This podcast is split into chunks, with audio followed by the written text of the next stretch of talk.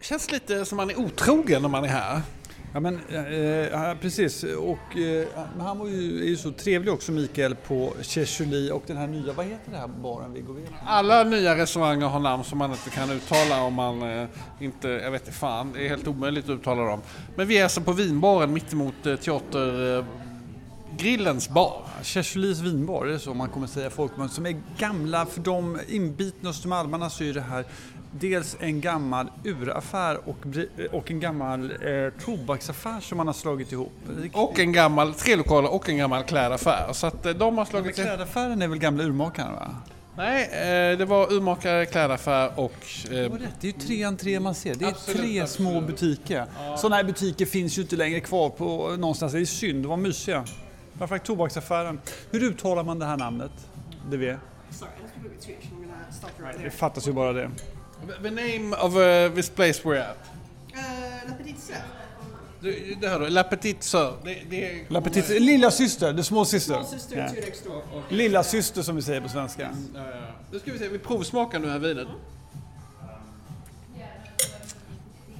Ja, nej men uh, detta är ju då traditionellt vin.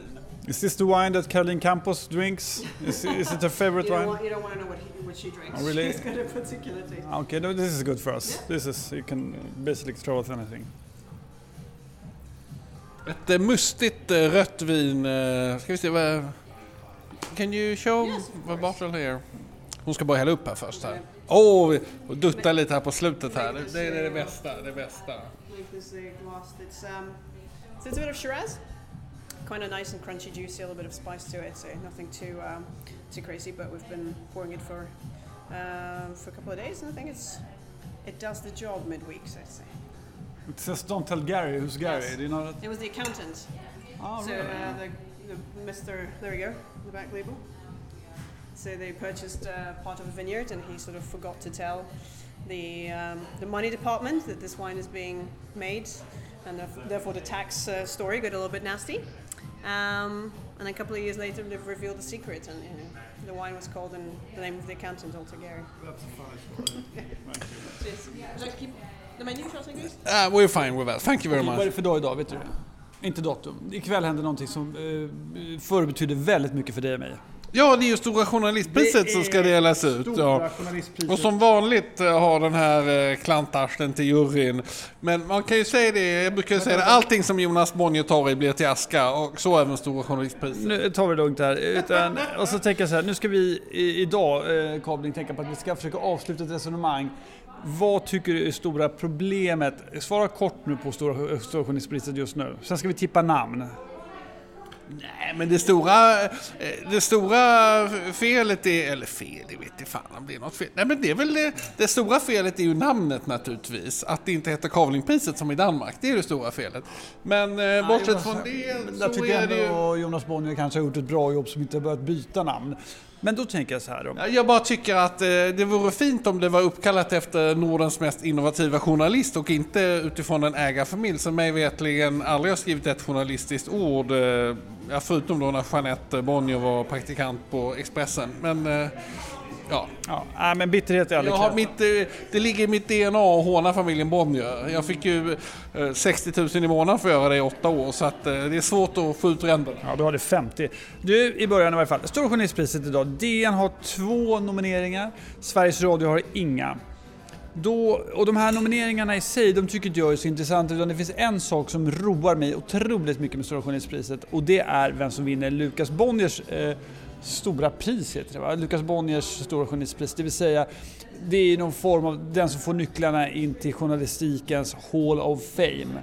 Och då är frågan till dig tillbaka, vem vinner det i år tror du? Ja, men det är väl någon sån här stofil, eh, gammal stofil. Någon som ska skjutas av inom eh, överskådlig tid förhoppningsvis. Eh, eh, jag kommer ihåg när han fick det där, han som slängde grejer i en soptunna. Det var ju liksom lite blev inte så bra för hans karriär. Sen vissa har ju fått det som är lite ja, kämpat på. Cecilia Hagen har väl fått det kan jag tänka mig och eh, Peter Karlhammar har väl fått det. Ja, det är väl... de här fick ju priset på 90-talet tror jag du nämner. Eh, jag pratade med en, jag åt frukost med en eh, högt uppsatt mediedirektör i morse och han sa med bestämdhet att Kristina Jutterström tar Hempriset och för att citera Jonas Bonnier när han pratade om Torbjörn Larsson, hon är ju inte lugn och lovande längre så det kanske är på i tangentens riktning om det som du säger. Ett annat namn som jag har tippat i alla år nästan som borde kunna få det, det är Jan Gradvall. Vad tror du om Jan Gradvall?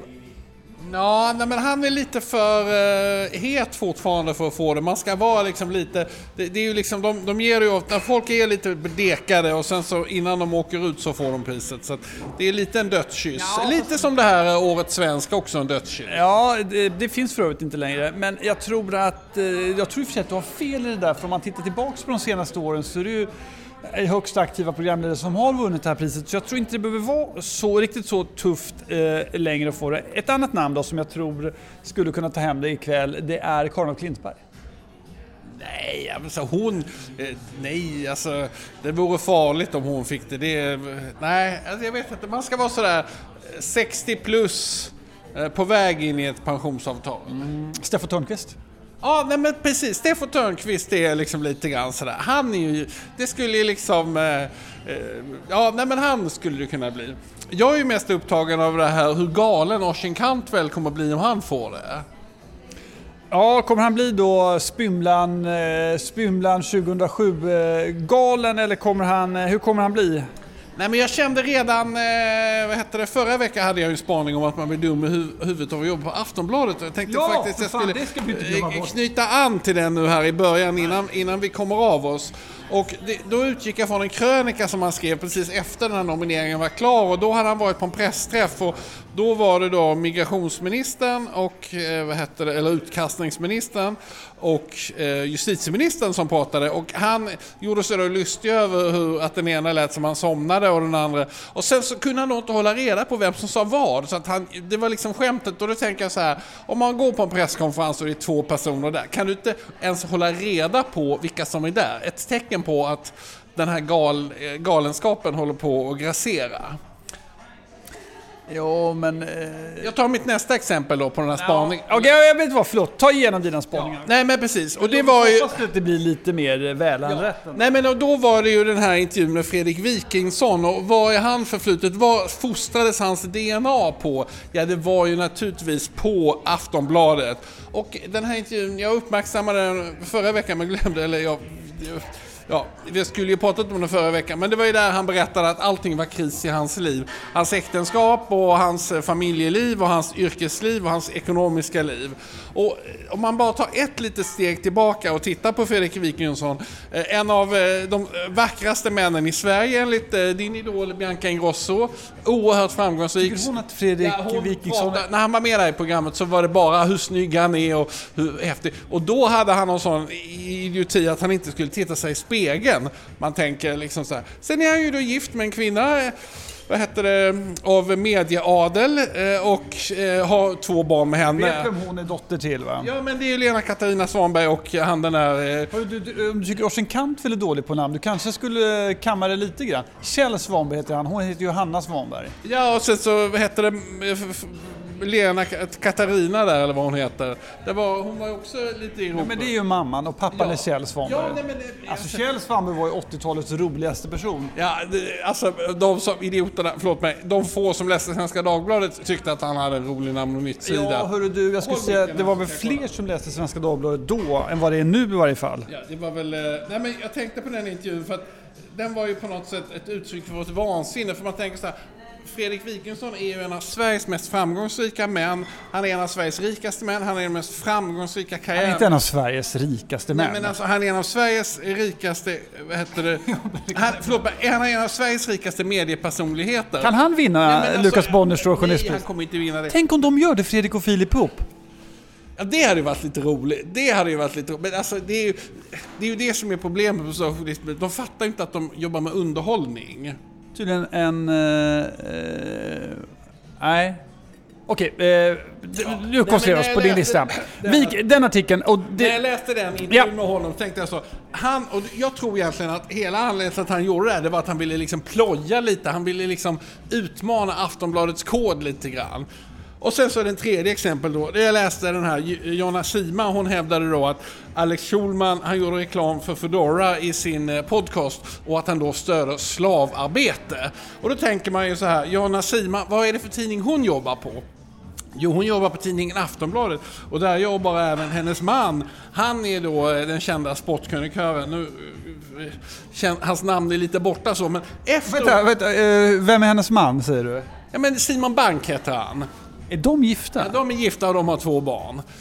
Eh, och, och, då tänkte jag, då gick jag in på Aftonbladets sportsida och började räkna spelannonserna.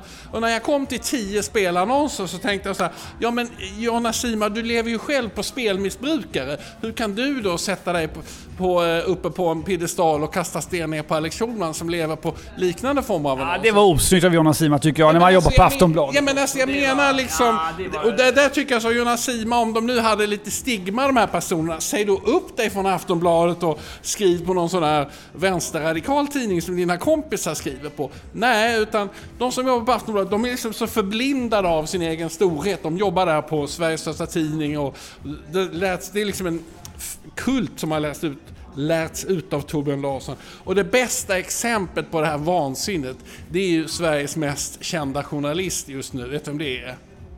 Han som borde få journalistpriset. Daniel Nylén.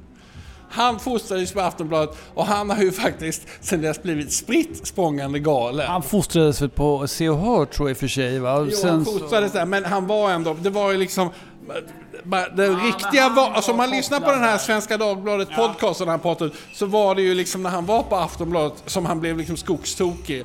Och varför blev han skogstokig? Jo, därför att de gjorde annonser med de här kända skribenterna vad heter det? Han blev strålskadad. Han trodde han var kändis själv. Ja, precis som alla som jobbar på hovet tror att de är kungar. Ja, precis. Apropå det, vad, vad säger vi om hovets släkting? Vill du säga något om det? Nej, jag tycker vi hoppar den saken. Eh, men, eh, så det här var då eh, skälen till att man blir dum i huvudet av att jobba på Aftonbladet. Jag undrar om det är så att man blir, det är dina ord dum ut, men man blir väldigt, jag skriver ju om det i min roman 4 också, att som journalister blir ju väldigt, till slut blir de ju väldigt påverkade av att vara nära nära, makten eller kändisskapet, nära guldet, storspelarna. Så att de till slut tror att eh, man är på, där på samma premisser. Det har väl hänt både dig och mig också. Du trodde ju under en period att du var mycket större än Resumé. Jag vet inte riktigt, det tycker jag fortfarande att jag är. Men, men eh, nej men alltså... Jag Skulle tror... passa på Aftonbladet Viggo. jag vet faktiskt inte. Jag har alltid varit lite närmare Expressen och känt att den är liksom lite mer... Jag tycker Expressen är, är bättre än Aftonbladet. Så jag... Har du läst något intressant i Expressen ja, senaste veckan? Just det, jag tänkte faktiskt att vi skulle komma in på det här. Ja. Alltså din... Eh, att, jag vet inte riktigt. Du håller på att ta någon slags... Eh, Eh, liksom, vad ska jag säga, äldre än, eh, vad heter han, eh, Gunilla Kinsman, Edvard Blom. Alltså du håller ju på att liksom flytta in i någon slags, de konservativas, råkonservativas block här. Att uppmana folk att skriva brev. Och, och, liksom som om det skulle vara någonting. Alltså det är precis som, ja nej men vi kan ju lyssna på stenkakor också, varför ska vi lyssna på Spotify? Alltså det är något... Ja. Ja, men du har flera poäng i det. Jag tror också att om man ser själva brevskrivandet och skrivandet i sig som något konservativt och i, i partipolitiskt bemärkelse, då tror jag man är är fel ute. Däremot så tycker jag, som jag skriver, att det finns vissa grejer som jag tycker ska man ska värna. Alla lyssnare kanske inte har... Uh, den här podden går, nej, men den här podden fungerar faktiskt inte på det sättet. Utan vill man läsa det så får man gå in och läsa det. Jag uppmanar alla att skriva brev. När jag är hemma hos dig... Och som vanligt när du uppmanar så är det inte bara så oh, jag skrev en liten tweet utan det är liksom 14 000 tecken på Expressens kultursida. Det var den längsta artikeln de har haft sedan eh, ja, de anklagade Jan Guillou för att vara rysk agent. Alltså, du har också skrivit en artikel, Skämmes eh, medier som oh, tar statliga oj, pengar. Vad roligt, vad roligt att mm. du... Alltså det var så här, jag satt på... I Dagens Media. I Dagens Media, precis. Jag satt på, eh, igår, var det igår? Ja det var igår faktiskt. Igår var jag, eh, flög jag hem från Hamburg där jag var på en, en liten eh, mässa. Och då läste jag Anders Malmstens eh, eminenta nyhetsbrev. Ja, jag, jag, till det. Smart gjort av honom. Ja, nej men jättebra. Och då stod det inte en enda människa protesterar mot det nya mediestödet. Och det kändes som att det var liksom ett wake-up call till mig. Så att direkt efter några öl satte jag mig och vände upp datorn och sen så bara hamrade jag ner den här eh, texten. Eh, Som toppade Dagens Media sajt idag. Det var länge sedan du toppade Dagens Media ja, det var sajt. väldigt länge Nu är sedan. du tillbaks. Ja, det vet jag inte riktigt. Du, apropå Dagens Media. Tänk om vi skulle kunna vara så här då. Du, eh, tänk om Rolf van den Vänta Brink lite. kunde få vinna Stora Journalistpriset ikväll. Ja, men det hade varit jätteroligt. Han... Eh, Han skulle inte älska att hålla tacktalet sen till middagen, men eh, skit i det. Nej men det hade varit jättekul. Jag känner ju mig väldigt nära Rolf van der Brink. Eh, Vi, eh, vi liksom är på små publikationer där vi eh, eh, gör allt från, eh, vad heter det, sorterar eh, högar. Ja men att man är liksom är lite allt i allo. och- Alla, alla ens tidigare antagonister är ju ens nuvarande bröder, eller hur? Och ni var ju eh, liksom head to head. Du gjorde ju en väldigt rolig artikelserie, eller artikelserie, annonsserie på Resumé när eh, Rolf var på Dagens Media. Helsidor i Resumé där du hade gjort om en champagneflaska Champagne var Resumé och eh, Dagens Media kallas Dagens Folköl. Väldigt eh, låg, eh, lo, väldigt låg... Eh, Jo Precis, men du jag fattade, har aldrig- du fattade att det var underhållning i varje fall. Du fattade att folk skulle snacka om någonting. Sen tycker inte jag det var... nej det var inte så genialiskt Nej, faktiskt. för problemet var väl att folköl är ju inte den sämsta dryck så att säga som man kan tänka sig. Nej, nej jag, men... trodde, jag trodde Dagens Media tyckte det var en rätt bra position och de ville gärna ha Ja, folköl. mm, ja, de vill gärna vara ett folk. Han är precis. Men eh, jag tyckte väl, eh, ja, ja, det var ju minnenas allé här. Du, Passar oss ärkekonservativa. Men alltså jag tänkte på det, tillbaka till det här med brevskrivandet. Alltså jag har inget minne att jag fått något brev av dig överhuvudtaget. Möjligtvis att jag fick någon inbjudning eh, som till ditt 40-årskalas. Men kännetecknande för, för det var ju att man knappt eh, läste, man förstod inte vad det stod där för någonting. Så att, ja. Förstå, apropå, eh, får jag säga en sak då? Du jag fick ett tackkort för att du kom på mitt eh, 40-års... Och det var handskrivet. Min inbjudan var förtryckt. Apropå det fick jag lära mig ett, en ny grej. Eh, apropå inte förstå vad folk säger. Eh, eh, det var någon som beskrev, eh, någon som pratade skånska, så elegant skånska. Vet du vad det kallas för? Eh, Lundaskånska. P1-skånska. Oj, ja men det, vad heter det, var fint. Jag, jag kommer Jag ihåg... har en spaning sen, är du klar? Nej men jag kommer bara ihåg att på ett av de finaste handskrivna brev jag fått fick jag från, Jon, inte Jonas Bonnier utan vad heter det, jag har aldrig fått någonting av honom. Men jag fick av Bengt Braun. Sparken har du fått. Ja men absolut, förlåt, förlåt, förlåt. Ja men då fick jag Bengt Braun, då var det så på Resumé och det var ju riktigt min humor. Det var ju då att att när Bengt Braun fyllde 60 år så hade han en jättestor bjudning och då köpte vi ett fallskärmshopp till honom, alltså ett fysiskt fallskärmshopp som han fick. Och då skrev han ett ganska ja, långt tackbrev sådär. Eh, Ja, var flera meningar långt. Eh, Jag kommer inte ihåg vad det stod naturligtvis, men jag blev väldigt imponerad för det kändes som att han hade, han hade suttit och... Fyller han inte 50? Nej, han fyllde 60. Han, alltså han avgick ju sen och eh, höll på där med sina, gör han väl fortfarande med sina egna affärer. Men det blev väldigt glad för det här eh, handskrivna brevet som han skickade. Och sen Det är en väldigt generös och stor människa, Bengt Brown. ja nej men han, eh, man kan säga så här, första gången jag träffade honom då, då hade jag fått veta att han tjänade 650 000 kronor i månaden. Det är ju peanuts idag naturligtvis, men, men eh, då var jag liksom, det var lika mycket då, han hade så lika mycket i månaden som jag hade i årslön. Och då innan jag träffade honom så tänkte jag, vad orättvist, men efter jag träffade honom så tänkte jag faktiskt, nej men han är värd de pengarna, han, han gör ett, eh, ett bra jobb. Han, utan honom, då hade det nog inte funnits som familjen Bonnier faktiskt. Jag, kom, jag har ätit lunch med honom kanske två eller tre gånger och varje gång vi äter lunch och när han pratar om folk så berättar han bara hur duktiga människor i hans närhet. Det är en väldigt härlig egenskap. Han pratar aldrig om sig själv, inte ens när det kommer till prestationer utan bara lyfter fram andra hela tiden. Det är en väldigt bra egenskap. Där är ni lite lika du och han faktiskt. Jag brukar träffa honom eh, när han var med sitt barnbarn där i den här, eh, vad heter det, Spybar-hymlan. Eh, det finns ju ett hörn där alla barn leker på eh, i eh, Humlegården. Och där, det är ju lite som att vara på det finaste cocktailpartyt för att alla är ju där, sådana som du vill träffa. Och där brukar jag träffa honom. Nu har jag inte sett honom på länge. Det kan bero på att dina barn är 14 och 17 år. Absolut, absolut. Nu handlar det om att eh, hämta dem upp på rännstenen. Men, eh, ja, det, det, än så länge har inte Bengt Brown dykt upp där på jakt efter sina barnbarn. Jag såg, eh, nej men det här är en intressant eh, tankegång då. Eh, det är, eh, ja det går en eh, dokumentär på SVT Play om Göteborgskoloristen Åke Göransson, känner du till honom? Nu stänger folk av här. Fortsätt prata då. Åke Göransson, eh, Göteborgskolorist, eh, från eh, samhällets absoluta botten. Detta illustrerades i ett porträtt där de beskriver hans uppväxt. De växte upp utan pappa med en mamma som jobbade, hade två dubbla jobb för att klara hyran. De bodde i en etta, mamman, Åke och hans två bröder. Och för att få ihop pengar hade de även en inneboende i ettan. Det är humor, det är humor. kan du tänka på när du sitter och slår på infravärmen i ditt trevåningsradhus i Sköndal. Vi har inte skaffat infravärme än, men du kommer väl på födelsedagskalaset får du se det. På söndag kommer jag, det ska bli asmysigt. Härligt. Ska cykla ut. Ja men vad bra, vad bra. Och är det någon som känner sig träffad nu som inte är bjuden så kom du också, det finns plats. Det är ju ändå 340 kvadratmeter så det måste finnas plats. Jag ska, jag cykla, jag ska cykla genom Skogskyrkogården. Jag ser, jag ska se mycket fram emot den. Cykla ut med Skogskyrkogården. Nej, jag ska cykla runt på Skogskyrkogården ett tag också. Det ska bli kul. Åke Göransson. Det, eh, tyvärr då av eh, TBC och annat sinnessjuk. Det får man inte säga nu för tiden, men det var vad han blev.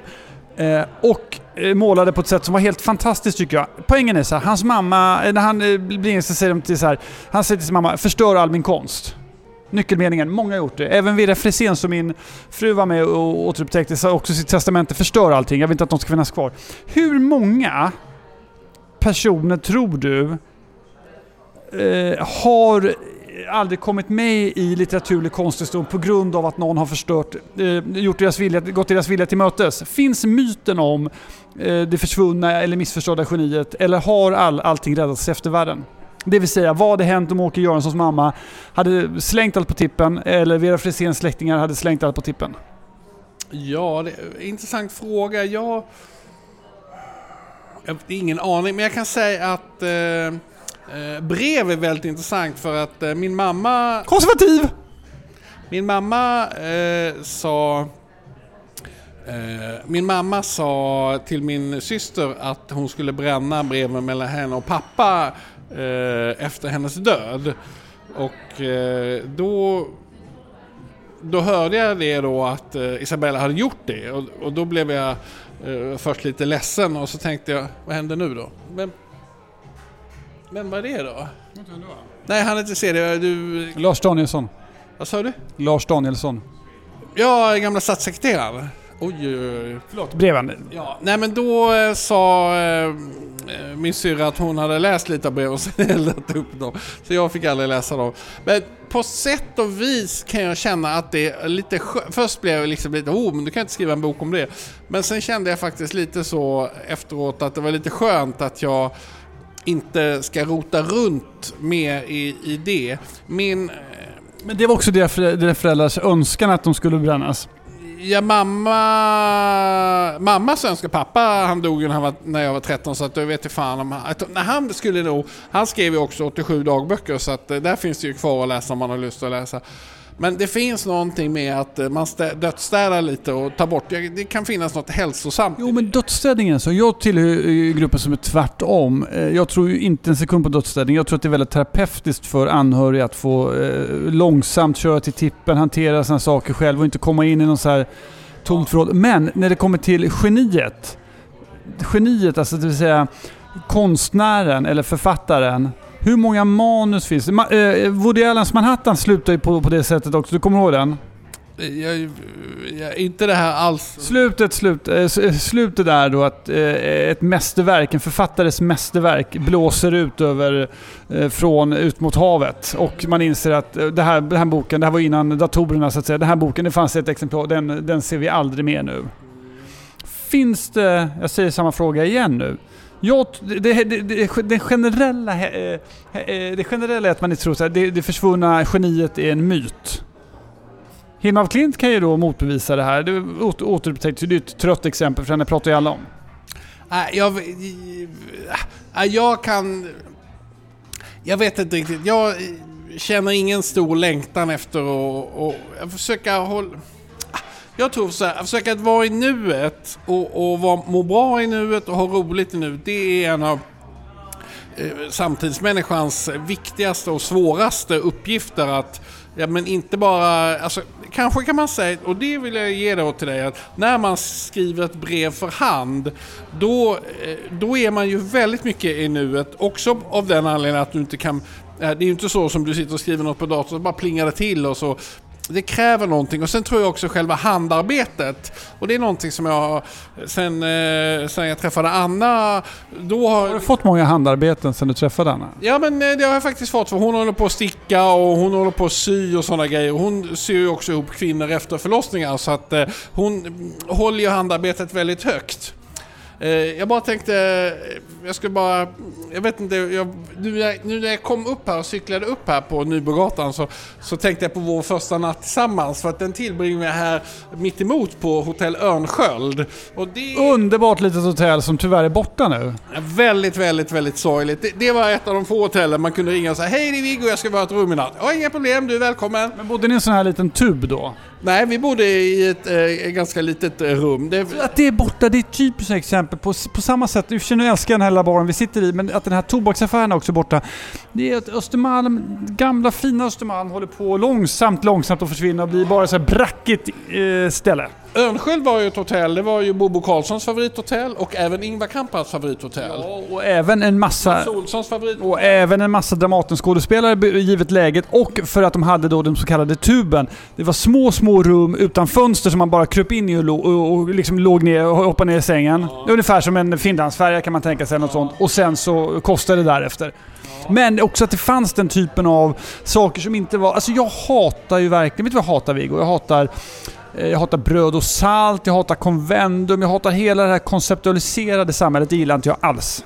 Nej, du håller på att utvecklas till, till eh, vad ska jag säga, Östermalms uh, Edvard Blom. Du är på väg in Nej men det har inte alls, alltså det är så... Eh, Snart kommer du sluta podda här för att eh, podcasten är alldeles för modern. Nej, men då, då har du som vanligt missförstått allting. Podcasten består ju av ett samtal Eh, Eh, någonting, du är ju... Eh, varför håller jag fast vid dig? För alla säger släpp honom, gå vidare. Han är ett sänke. Du är ju som Örnskiöld, du är ju en eh, individu... Alltså du, dig vill man ju K-märka. Du är liksom... Eh, du blir det där hotellet. Du blir ju inte Scandic Hotels eller... Eh, det är i och för sig din stora annonsör så får jag inte säga någonting om men... Eh, eh, du är inte bröd och salt. Det är därför det här är intressant. Okej, okay, okej, okay, okej. Okay. Du, jag känner... Eh, Eh att vi ska ta ett glas vin till och sen så ska vi eh, tacka lyssnarna här för visat intresse. Vi är oerhört glada att ni lyssnar. Och, eh... Du, skit i det. De här lyssnarna du pratar om, de är i Sydafrika. Tror du Johan Akelius skulle kunna vinna Stora Journalistpriset ikväll? Eh eftersom han är i Sydafrika så kommer han inte vinna. Jag tror lite... Han skulle, han skulle flugit upp dagar efter det. Jo, absolut. Det är klart han skulle gjort sådär. Jag är väldigt avundsjuk på att de är där i Sydafrika. Jag fick liksom nästan lite... Eh, ja, det kändes eh, liksom... Jag vet inte, nästan som en attack att de var där. Varför inte jag där? Och eh, jag ska ju flytta till Sydafrika enligt min plan, men... Den... Det är nio år kvar. Jo, absolut. Det är det som är grejen och det, det kanske inte kommer bli av. Men, eh, men vi tänker på dem och sen har vi faktiskt lite fler lyssnare. Jag brukar ju säga det att vi skulle ha fler lyssnare än de som får plats på Rish och det har vi nu. Är det 49 platser då eller vad är det?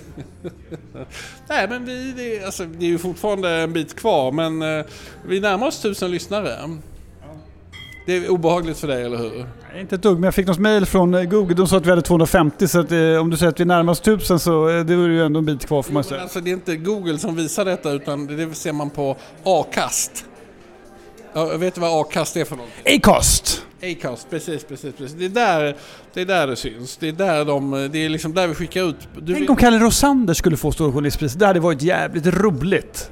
Ja men alltså, eh, det har varit väldigt kul faktiskt. De skulle ge en teknikperson. Kan vi inte igen då, kan vi inte igen då, innan vi avslutar det här kalaset, eh, vi tänker ut varsin, eh, vi får några sekunder nu. En, vem skulle vara din kandidat? Du är enväldig, du får styra juryn. Vem skulle du ge det till? Lukas Bonniers stora journalistpris.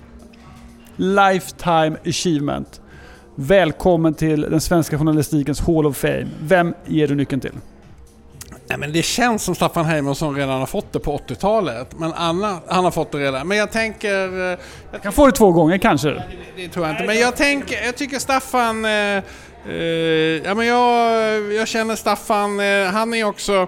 Jag, eftersom mina föräldrar eh, inte längre är med mig så värnar jag liksom människor som är i det här 80 plus segmentet. Eh, eh, och eh, nej men jag tycker han är en fantastisk levande person och jag tycker hans Eh, artiklar när han åkte runt i eh, den ungerska delen av eh, Ukraina och skrev om detta där han berättade att han hade träffat en person som pratade tre olika språk och som hade bott i fem olika länder men aldrig flyttat från samma stad. Alltså, det sa ju en, det var ju så fruktansvärt bra detalj och att leta upp dem på ett levande roligt sätt, alltså Staffan Heimerson, jag håller hans journalistik väldigt högt och jag tycker han är, jag beundrar honom och sen så, vi är ju inte släkt men eh, i Tingsryd Inte alls faktiskt. Nej, i Tings, men vi, vi, han är väldigt nära min familj och eh, han eh, i tingshuset i, på, i Ängelholm där min, eh, min mammas eh, pappa, alltså min morfar var häradshövding,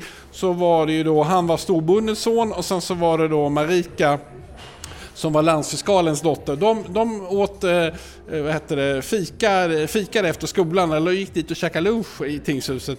Det, det är liksom det är någonting i att eh, det finns ett gammalt DNA som sitter ihop som jag tycker om. Ja, det är ett, ett fi- fint arv. Ni är bägge två tillhör någon form av svensk lantras, mera det här liksom blonda, lite framgångsrika uttrycket. Eh, Personen jag tror, om du skulle ställa samma fråga till mig, helst inte, men svara nu. då är en person som jag inte heller är släkt med på något sätt, och som jag, eh, men som jag tycker ändå skulle förtjäna det här priset på något sätt. Och det är eh, Lars Ring. Nej men alltså fy fan vad tråkigt. Lars Ring, klockorna stannar, vilken tråkig skribent det är. Lars Ring som... Jag ringde någon gång till honom, eh, och ville, Ring ring! Ja, precis, eller mejlade eller vad det var och ville ha med honom i ett eh, Becquerel TV-program för tusen år som skulle handla om teaterkritik. Och det ville inte han vara med i och då kände jag bara alltså dra åt helvete Lars Ring. Lars Ring på Svenska Dagbladet är en av de här personerna som jag känner som, jag hoppas ingen går ner och säger så här, Lars nu får du jobba på desken och randa TT-telegram eller något sånt istället. Så här. Det där är en person som har blivit vid sin läst, som levererar eh, jag ska, eh, kvalitativa omdömen om den svenska teaterscenen. Det han är fan i mig en kunskapsbank värd att... eh, Det är sådana som honom jag önskar man skulle liksom kunna belöna, så det är inte bara en massa contentchefer och hepp hepp som belönas. Nej men vad bra, nej men eh, okej, vad hette det, jag tror om jag hade ringt Leif Cern hade jag fått samma svar så att eh, ni förstår kategorin. Leif Cern är inte ett dumt namn. Alltså det är lika tråkigt. Men ja, skitsamma. Det är ju liksom, de skulle fått pris någon gång på 70-talet. Finns det någon som är rolig som borde få? Alltså då menar jag rolig ordets eh, faktiska bemärkelse. Kjell Svanberg. Nej, Men nu kryper det här i kroppen på mig för jag känner att vi har hållit på alldeles för länge. Vi slösar bort människors tid.